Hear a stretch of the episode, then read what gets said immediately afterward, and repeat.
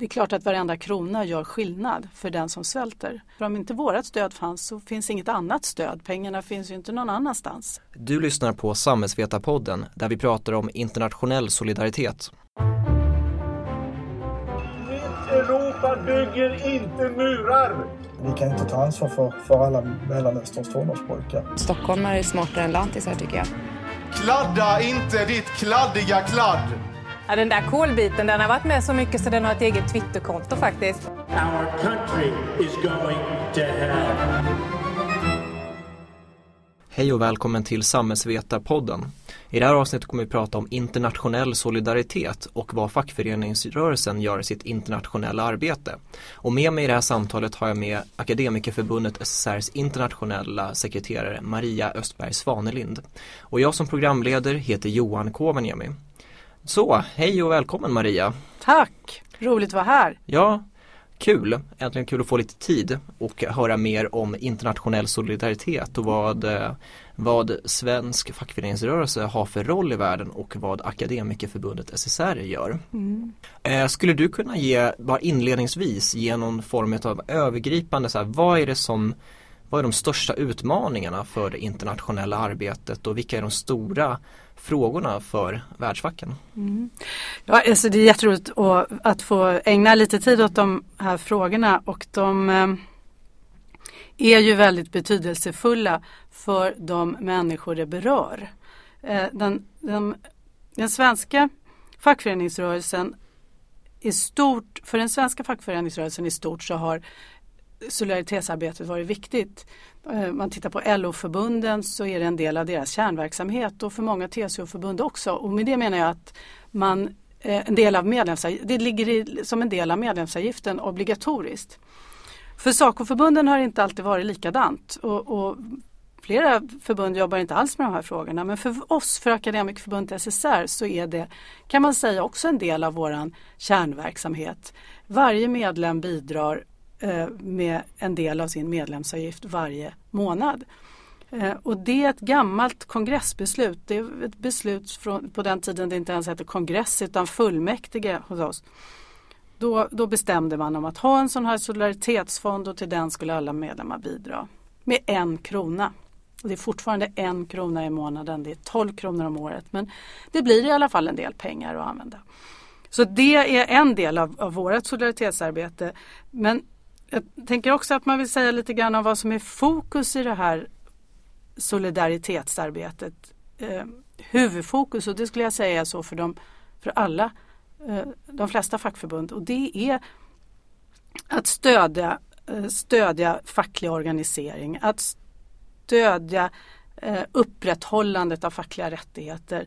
Att, eh, att eh, stödja facklig utveckling. Så det är ett väldigt fokus på, på fackliga rättigheter och facklig medlemskap. Sen har ju vi, tycker jag också att det är viktigt med yrkesfrågor så att vi, vi vill gärna stödja yrkesutveckling i, i socialt arbete framförallt. Och sen är ju hela frågan om mänskliga rättigheter, om man nu kan särskilja den från de här Eh, fackliga rättigheterna, för de är en del av den organisationsfriheten, rätten att vara medlem i vilken organisation man vill, det är en mänsklig rättighet och rätten att vara med i en facklig organisation är därmed en mänsklig rättighet. Så det skulle jag säga är fokus i, i det här arbetet och därför så viktigt i många delar av världen där denna, de här rättigheterna aldrig har funnits. Andra delar av världen där de här rättigheterna beskärs och blir, krymper så blir det viktigt att ha en, en sån part som de svenska fackförbunden som ihärdigt liksom, pratar om detta och stödjer detta. Ja, för i Sverige har vi ju kommit långt vad det gäller ja, det vi kallar den svenska modellen och att vi har arbetsmarknadens parter. Mm. Och det är ju, vi ser det som en naturlig del av den svenska demokratin med ja, rätten att organisera sig fackligt. Men så ser det ju inte ut runt om i världen. Mm. Eh, Nej, verkligen inte. Verkligen inte. Vi har ju en, nästan alla svenskar eller nästan alla som jobbar i Sverige är med i ett fackförbund. Eh, och, och, det är självklart att det är för, för, företag och arbetsgivare att förhandla med facken om löner och villkor och, och sådär. Eh, och, och, det gör ju våran, våra system väldigt starkt. Vi, vi vill ju gärna diskutera det när vi är ute i världen, vi vill gärna exportera det. det, det den här även om vi har lärt oss att man inte kan fara runt och säga att in Sweden we do like this. För det finns ingenting som får kollegor ute i världen att se så liksom trötta ut som när vi ska berätta att i Sverige med 10 miljoner invånare har vi verkligen lösningen på alla problem. Men lika fullt så är den svenska modellen i det avseendet väldigt lyckosamt. Det räcker ju att åka till Alltså vi har kanske 80 procent av arbetstagarna med i facket och det betyder att man är vare sig man jobbar i, i, i industrin eller är, är, är tjänsteman i en statlig myndighet eller är akademiker på, att man är på ett sjukhus så är man med i facket. Och, eh, och, och, det gör också att många arbetsgivare har någon gång börjat vara med i facket. Jag tror att det har betydelse för respekten för varann. Det räcker att åka till Frankrike där mindre än 10 procent är med i facket. Mindre än 10 procent av de franska arbetstagarna är medlemmar i ett fackförbund. Och då blir det hela liksom, till och med där blir det svårt att göra uppgörelser med, med, eh, om olika saker. De har en mycket starkare lagstiftning istället. Men som sagt ute i världen så, eh, så, så det är klart, ska vi då eh, berätta om hur vi löser, löser frågor på, på arbetsmarknaden, tvister eller kommer överens om spelregler eller villkor och löner och så. Så bygger det på att facken har många medlemmar och hög legitimitet. Och om man då i ett land där man inte ens får vara med i facket så blir det Ja, det blir omöjligt. Mm, just det. Men eh, vårt förbund eh, via demokratiska beslut eh, början av 90-talet bestämde sig för att en krona då, först på frivillig basis eh, och sen så vid, 20, vid, vid 2000 så blev det en permanent eh, del av medlemskapet att alla, alla medlemmar skänker en krona eh, Eh, till solidaritetsfonden. Och solidaritetsfonden är ju en form av facklig biståndsarbete som, som vi är med i. Men och, men frågan är ju, som man kanske också borde besvara, är som att eh, varför, varför ska en, eh, ett medlemskap i Akademikerförbundet SR eller vilken, numera är det väl i och med att alla fackliga delar är också med i Union to Union. Eh, LO, TCO och SACO är ju alla medlemmar i, en, eh, i den svenska fackliga biståndsorganisationen Union to Union. Eh, vad är syftet med det? Varför ska man göra den här kopplingen internationellt och varför är det viktigt? Ja, alltså syftet är, jag tror man ska komma ihåg att huvudfokus alltid är att, att stärka eh, mänskliga rättigheter i form av fackliga rättigheter och medlemskap och, och, och att eh, vara med i facket och organisera sig fackligt. Eller att hitta andra frågor där man som fackliga organisationer kan samarbeta globalt. Eh, jag håller med dig om, om eh, näst, jag håller nästan med dig om vår, historien om vår solidaritetsfond men den var alla, redan då när fullmäktige beslutade där mitten på 90-talet så fick alla betala men det var ett försök. Och sen efter att ha försökt det här i fem år och tyckte alla att det var så bra så nu permanentar man det. Men det är fortfarande bara en krona eh, per månad. Men det blir en dryg halv miljon per år som vi ändå kan använda och det är ganska bra pengar ändå. Jo, och, och, och eh, men om man då ska, och det har vi ju, vi har ju sen, jag ska också lägga till att just det är ju inte genom att vi har gått med i Union to Union som vi börjar strategiskt jobba långsiktigt med de här eh, pengarna utan det har vi ju gjort under flera år. Vi har sedan 2008 haft ett långsiktigt strategiskt samarbete med en annan ramorganisation, nämligen Palmecentret. Och, och, det har varit väldigt lyckosamt där vi har stött projekt som verkligen har syftat till att stärka mänskliga rättigheter, stärka kvinnor, eh, stärka facklig koppling till, till fackliga rättigheter och, och, också yrkesfrågor därför vi har haft ett, har ett särskilt projekt som har handlat om att stötta, alltså i socialt arbete, att stötta familjer och människor som har haft någon i familjen fängslad som när de släpps. Men det här med, med Union to Union är ju ett, ett jättebra, det är en jättebra grej. Att Eh, den svenska fackföreningsrörelsen tillsammans har bildat en ramorganisation. Och ramorganisation är ett sätt att få, kunna få, ta, få pengar från Sida för att sen själva fördela ut till, mellan, mellan olika förbund och partner ute i världen. Och, och det är en rätt ansenlig summa pengar som de svenska fackföreningarna tillsammans eh, men i individuella projekt eh, jobbar med globalt. Och, och, tidigare så har LO och TCO har ju ett väldigt långt, eh, lång erfarenhet av det här så att de har jobbat länge. för, för akademikerna i Saco är det nytt. Och, och där kan man ju säga att, att, att vårat förbund ligger i, i framkant därför att vi lyckades ändå få igång ett projekt redan 2016, ett så kallat pilotprojekt eh, som enda Saco-förbund. Men ett, ett pilotprojekt som handlade om klimatfrågan. Hur, hur offentligförbunden i några utvalda länder särskilt utsatta av klimatförändringar. Hur de offentliganställda och deras fackförbund skulle kunna ta en, hjälpa till och ha en ledande roll i arbetet med att följa upp eh, de nationella åtaganden efter Parisöverenskommelsen. Parisöverenskommelsen om, om, om att stoppa och hejda klimatförändringarna. Och, och, det där är ett, ett jättespännande projekt som vi kan prata mer om men, men det gjorde vi i alla fall och det tycker jag att vi ska vara stolta över att vi ändå kom igång. Det gjorde vi förstås inte själva för det är så det är med de här Union to Union projekten att de allra flesta jobbar där, där blir man, den svenska förbundet jobbar ihop med sin globala union, alltså det som på sånt här språk kallas för GUF, Global Union Federation. Vi jobbar med våran GUF Våran GUF heter PSI, Public Services International. Så att det, det är de som är parten och hjälper oss att koppla ihop oss med bra eh, fackförbund ute i världen. För det är inte heller så lätt. Alltså det där att, att hitta, det är inte bara att säga att oj nu vill vi göra någonting i Kenya och så åker vi dit och slår upp telefonkatalogen och säger här verkar vara några bra förbund eller här verkar vara ett fackförbund. Utan man, måste också veta att det här är ett förbund som är tillräckligt starkt för att, för att klara av att jobba med ett sånt här biståndsprojekt. Man måste veta att, att de inte är korrupta. Det vet vi ju att jättemycket eh, bistånd i världen har, eller i varje fall en del bistånd i världen försvinner ut i korruption.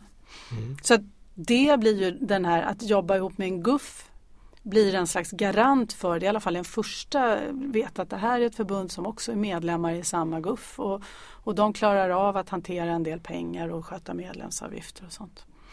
Så hur som, vi, vi, för oss har det varit jätteviktigt att vara med i, i Union to Union, att eh, det är ett sätt att samla den svenska fackföreningsrörelsen för de mänskliga rättigheterna och för fackliga fri och rättigheter. Och vi har också kommit igång då som jag sa med ett, ett, första pilotprojekt som nu under 2017 som kallas för ett bryggår. Det är mycket teknik när man pratar bistånd. Inte bara blanketter, det är också olika rubriker. Så att i år är vi ihop och gör flera projekt, inte bara klimat. Och sen så jobbar vi just nu med en stor femårsansökan. Och då är det inte bara SSR ensamma med våran GUF PSI utan det är vi tillsammans med andra svenska PSI-förbund. Mm. Och det är också en väldig styrka att, att vi tillsammans med Kommunal och ST och Vision och Vårdförbundet kan eh, liksom vara en gemensam svensk röst. Ibland, kan man, ibland är det en väldig styrka. Mm. Men om man går med liksom i konkretion, de olika projekten. Eh, vilka har varit som framgångsprojekten över tid? Vad kan, man, vad kan vi peka på att det här internationella arbetet leder till? Mm. Alltså jag tror att det här klimatprojektet kommer att bli ett framgångsprojekt. Vi har gjort ett pilotår där vi håller på med, med, med Kenya, Zambia och Tunisien. I år eh, som är det här bryggåret så fortsätter projektet. Då har också Vision och, och Kommunal klivit på så att det blir lite större åtaganden från den svenska sidan. Och vi har lagt till eh, några länder. Vi har lagt till Jamaica Eh, och vi har lagt till Peru. Och alla de här fem länderna är ju hårt ansatta av klimatförändringar på olika sätt. Torka, översvämningar, sjukdomsspridning. Eh, så att, så att det liksom är relevant. I femårsansökan så vill vi också ut i övärlden norr om eh, nordväst om Australien. Där är också platser. Det finns där, eh, en, en, en, viktig sak är att det måste finnas en fackförening på plats som är tillräckligt stark och erkänd och har en tillräckligt god relation med en fungerande regering stat. Liksom. Så att det är inte bara att kasta pil på kartan och säga att det här verkar vara ett spännande land utan det, det, det vissa kriterier är väldigt grundläggande just om, om, om, att det måste finnas en part där. Så det tror jag kommer att kunna bli men allt som har med klimatet att göra är ganska långsiktigt. Vi vet att vi måste göra mycket nu. Det är redan nästan för sent. Men vi kommer inte att se resultat förrän som eh, rätt många år. Men vi kan inte låta bli oss, vi kan inte säga att vi ska inte göra något för vi kommer inte kunna mäta resultatet i år eller nästa år. Men varför är klimatfrågan en facklig fråga? Eh, den, den, klimatfrågan är ju en fråga för, för alla. Det kommer att handla jättemycket om eh, omställningar i arbetslivet. Det kommer, I många sektorer handlar det om det.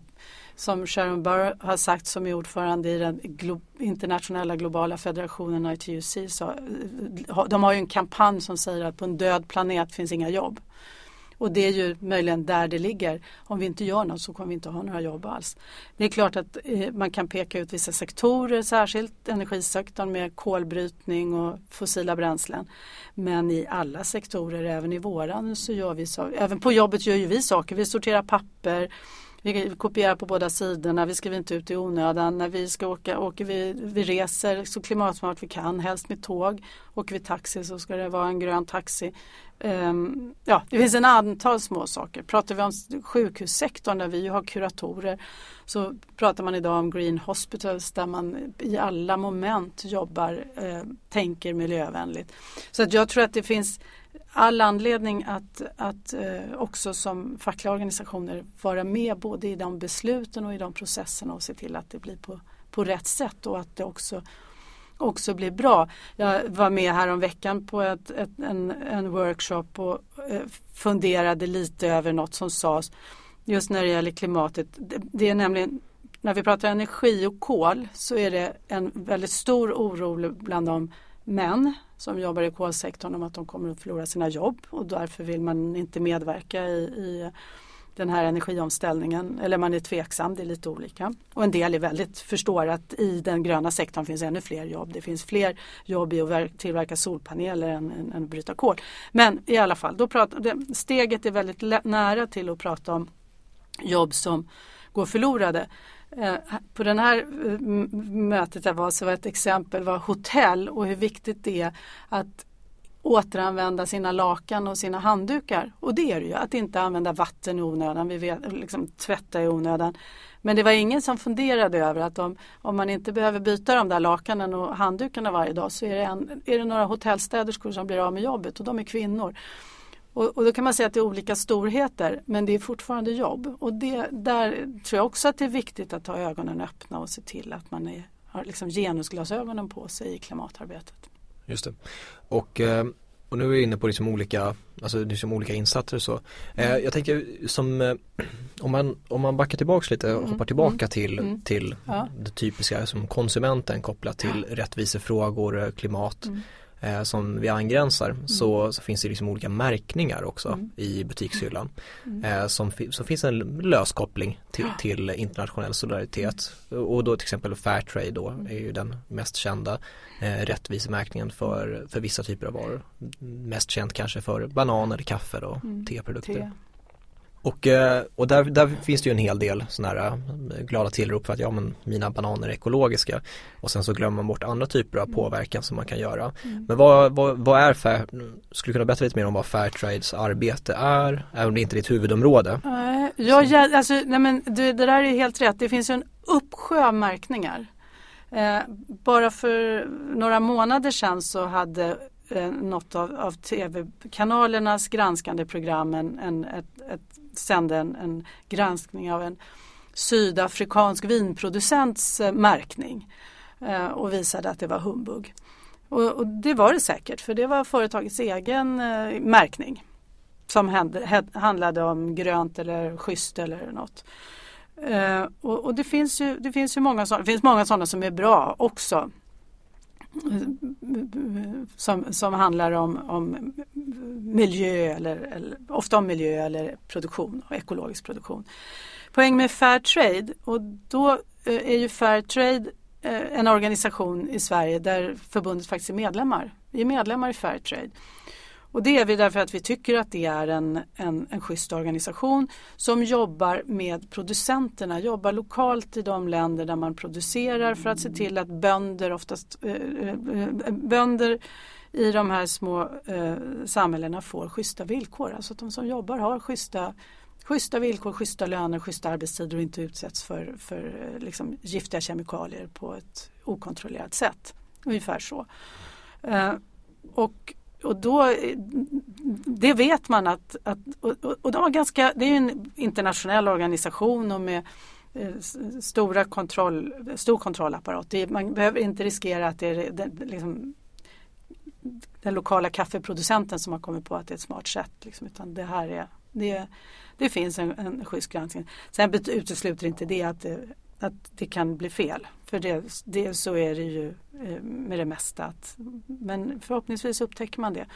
Så jag tänker att på, just när det gäller vin då, och sydafrikanska viner så finns det nio, jag tror att det är nio sorter på Systembolaget som har Fairtrade-märkning. Så de kan man i alla fall dricka om man vill dricka sydafrikanskt vin. Eh, men men eh, allt fler, all, allt fler sådana här produk, allt fler produkter får eh, en sån Fairtrade-märkning. Rosor är en jättestor, framförallt 14 februari på alla hjärtans dag. Då, då säljs det hur mycket rosor som helst och då är det lite viktigt att komma ihåg att köpa Fairtrade-rosor för då har de eh, tillverkats eller producerats, eh, växt under och skördats framförallt under bättre villkor än annars. Ja, precis. Ja, men jag tänker lite så med till exempel om jag ska handla, om jag, mm. alltså att även om, det, om jag går in i en svensk restaurang som har, eh, som har kollektivavtal och har, mm. finns med på schyssta listan mm. Att det är klart att det, det, garanterar inte att alla anställda blir rättvist behandlade på alla punkter hela tiden, att det inte finns några problem. Men det finns ett inflytande och det är den bästa garanten som jag har. Just det, för att precis. jag inte bidrar till liksom oschyssta villkor eller oseriösa företagare. Mm. Och samma sak tänker jag liksom när jag just, jag personligen köper en, alltså när det kommer till just de här vissa känsliga produkter då som kaffe, te, bananer, eh, kakao, socker från vissa delar av världen och så vidare. Diamanter. ja, det Ja, Kanske inget, inget problem de, jag har. Men de, de finns Fairtrade-märkt. Det finns schyssta diamanter och det finns svarta, mm. alltså ja, ja. fula diamanter. Och jag menar, och jag tänker att så här, oavsett, oavsett vad så är det här liksom den bästa kontrollen som finns åtminstone. Och visst, det kommer säkert slinka med en och annan oschysst eh, kaffeböna här någonstans eh, under vägen men det är den, den bästa, ja, det bästa jag vet liksom. Så, men om vi tänker, om vi går liksom på ett Europaperspektiv, mm. eh, vad, är, vad är den svenska fackföreningsrörelsen eh, och eller Akademikerförbundets särroll eh, inom Europafacken? Ja, vi är medlemmar, som jag, vi är medlemmar i vår, vår GUF, vår globala organisation PSI, har sin europeiska sektion kan man säga, eller europeiska del som också är en egen organisation som heter förkortas EPSU, kallas för EPSU på svenska. Eh, engelsmännen säger nog EPSU. Eh, och det betyder European Public, Public Services Unions. Tror jag. Ja.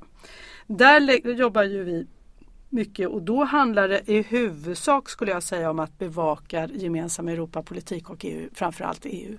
Huvudkontoret ligger i Bryssel. Jättemycket av, av, av arbetet är fokuserat på att lobba eh, mot EU-parlamentet och kommissionen. Mm. Vi sitter med i styrelsen. Vi deltar också i eh, eh, parts eh, partssamtalen. Det kallas, alltså det som är det sociala Europa, det som är eh, då inte handlar om socialt arbete utan handlar om eh, till exempel fackföreningar. De sociala parterna, det är fackföreningar, arbetsgivare. Okej, men om vi går in lite mera konkret. Eh, det kanske är lite svårt att mäta resultat såklart, men vad, vad har vi lyckats med? Vad kan man se är positiva utvecklingen? Ja, alltså, jag skulle säga att våra, bidraget från vår solidaritetsfond gör skillnad. Vare sig det är sånt här humanitärt bistånd. Vi skickade, vi skickade under för, förra året eh, säkert lite drygt 100 000 till UNHCR. Det är klart att varenda krona var värd pengar i flyktinglägren i, i Syrien och utanför. Vi skickade alldeles nyligen stöd till eh, svältande i Sydsudan det är klart att varenda krona gör skillnad för den som svälter. Det, det, det är ingen tvekan om. Och alla under, under hela solidaritetsfondens den tiden har funnits så har, har, just den möjligheten att skicka katastrofbistånd varit otroligt viktig.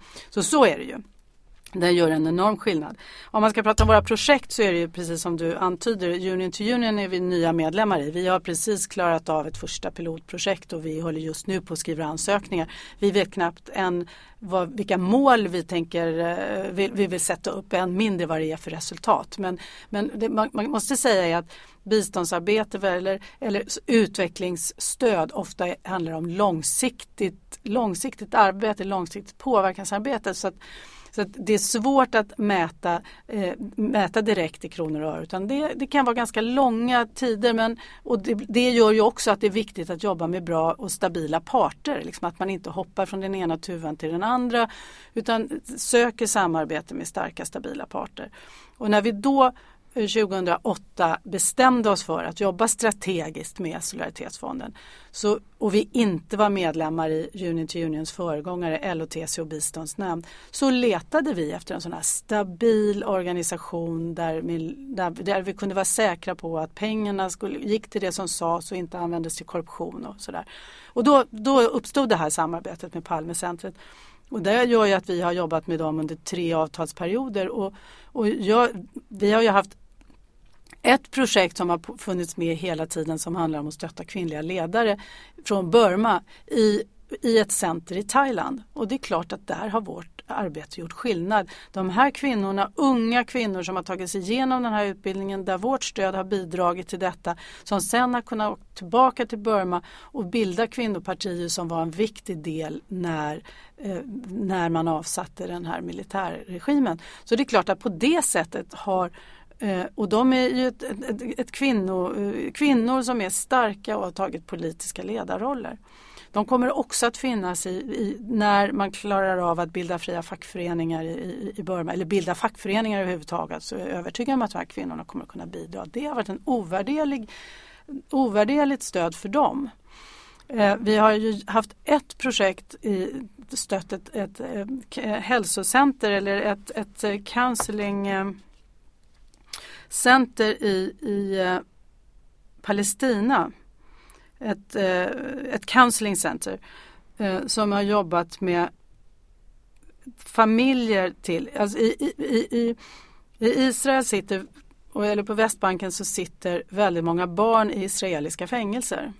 Det är helt emot alla nationella konventioner men man fängslar barn. Det här skapar ett enormt trauma i familjerna, förstås. Och familjer behöver stöd och hjälp och, när, och dessutom skamfullt, alltså stor ångest. Och när de här eh, familjemedlemmarna ändå släpps så, så har det här counselingcentret en, en jättestor roll att fylla. Och där är vi enda bidragsgivare ihop med, med Sida pengar förstås via Palmecentret. Det är jätteviktigt och jätteviktigt för dem att ha den kontakten med en, en västeuropeisk svensk professionsorganisation. När vi har träffat representanter därifrån när de har varit i Sverige så har man kunnat utbyta yrkes, prata om yrkesfrågor, professionella frågor. De är både psykologer, de är kuratorer, de, de, de, det är jätteintressant. Vi har ett annat e-, sånt exempel från, från en organisation som jobbar både i Gaza och på Västbanken med debattklubbar med ungdomar på, mellan universiteten. De, eh, jag, tror att det är sju, jag tror att det är sju universitet. De har eh, debatttävlingar med varann. Och det är ett sätt att lära sig att slåss med pennan istället för med vapen. Och så lär man sig att argumentera och debattera och respektera varandra. Det är superintressant. Tycker det skulle vara jättespännande att kunna utveckla det där med några, kanske våra, våra studenter skulle kunna vara en egen liten sån debatt. Jag, jag vet inte hur det skulle gå till men det, jag kan se tydliga liksom, kopplingar där man skulle kunna lära av varandra. Men där är ju vårat stöd nödvändigt för att den där verksamheten ska kunna få finansiering och kunna finnas. Vårat bidrag, våra, våra medlemmars Vårat, vårat bidrag är, en är 10 procent av hela projektet så att om vi betalar 40 000 så får vi 400 000 från Sida och så blir det, det är jättemycket pengar. Eh, eh, Sydafrika har vi drivit projekt, ett som är jättespännande med en, en organisation som heter Workers World Media Production som gör radioprogram. Man vet fortfarande att radio är den kanal som man lättast når ut i byarna med, lättast når ut i kåkstäderna med. Det är spännande men radio är, håller. Och där har man kört rådgivning om eh, arbetstagarrättigheter, ar, arbetares rättigheter i arbetslivet. Eh, de har också haft en verksamhet med lite barfota advokater så att i kåkstäderna har man haft eh, någon som har kunnat på plats kunna hjälpa till med, med det vi skulle kalla för facklig rådgivning. Där blir också vårt stöd helt ovärderligt för om inte vårt stöd fanns så finns inget annat stöd. Pengarna finns ju inte någon annanstans. Så att, där kan man säga att våra medlemmars eh, bidrag eh, verkligen gör nytta där för dem. Och vi, för oss så blir nyttan möjligen att vi kan känna oss stolta över att ha bidragit till att de får eh, fackliga rättigheter eller får hjälp i en svår situation. Professionell yrkeshjälp i en svår situation. Några exempel i alla fall. Just det. Och eh, om, om, man tittar, tittar framåt, mm. eh, vilka, nu har vi eh, den hyfsat nyomorganiserade eh, svenska eh, Union to Union. Och, om man tittar, och det är mycket som är i pipen, mycket som kommer komma. Eh, vilka är de stora internationella solidaritetsfrågorna och vad ser vi att Union to Unions arbete bland annat, vårt delak vår delaktighet är och våra kommande projekt, mm. hur det kommer påverka? Ja, jättemycket eh, när, eh, av, av det gemensamma arbetet bestäms ju av regeringen kan man säga, eller uppdraget till Sida. Sida sätter lite grann upp ramarna också. Och, eh, väldigt mycket av utvecklingsarbetet handlar om FNs utvecklingsmål, 2030-målen. Och där finns ett om det är åttan som handlar om decent work, så där är ett jättestort fokus. Eh, Unity Union eh, fokuserar på fem mål tror jag och vi har fått med klimatet som ett av de fem. Men det är mycket decent work överhuvudtaget. Så vi ser ju att allt, hur mycket som helst av vårt välstånd är någon annans ovälstånd. Eh, de här, det finns ju jättetydliga exempel med fotbollsarenor som byggs under där människor dör hela tiden av taskiga arbetsvillkor. Men, eller t-shirtfabriker eller lädergarvning i eh, Alltså vi köper billiga läderjackor, snygga och så har de tillverkats under eh, fruktansvärda villkor med, med giftiga kemikalier och människor som utsätts för det här och barn som utsätts för det. Så att, jag skulle säga att ett, ett, stort huvudfokus fortsätter att vara, handla om just eh, schyssta arbetsvillkor eller överhuvudtaget några, ja, schyssta arbetsvillkor och facklig organisering. Eh, sen handlar det om jäm, jämställdhet, mycket handlar om lön. Då blir det för oss utvecklat som lönegapet, skillnaden i löner mellan män och kvinnor. Men, men jämställdhet finns ju så många andra delar av när man pratar om arbetslivet. Eh, klimatet. Ja, det skulle jag säga några av, av, huvudpunkterna.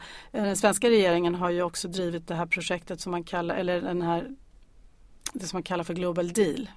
Som mer är handslaget mellan regeringar och, och företag och fackföreningar om att man är överens om att man ska hitta ett sätt att umgås och skapa lite grann av en export av den svenska partsmodellen men det har varit viktigt att säga att ni behöver inte göra som oss men en, en, en, den svenska vägen till framgång har ju handlat om att parterna pratar med varandra.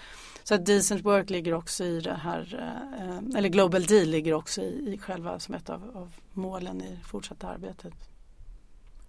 Okej, tack så jättemycket Maria. Får tacka för att du tog dig tid att vara med och prata mer om internationell solidaritet med oss. Och eh, får tacka så jättemycket för att du har lyssnat på Samhällsvetarpodden den här veckan och eh, jag som har gjort varit med i programmet heter Johan Kovaniemi och eh, vårt mål är att komma ut ungefär varannan vecka under höst och vår.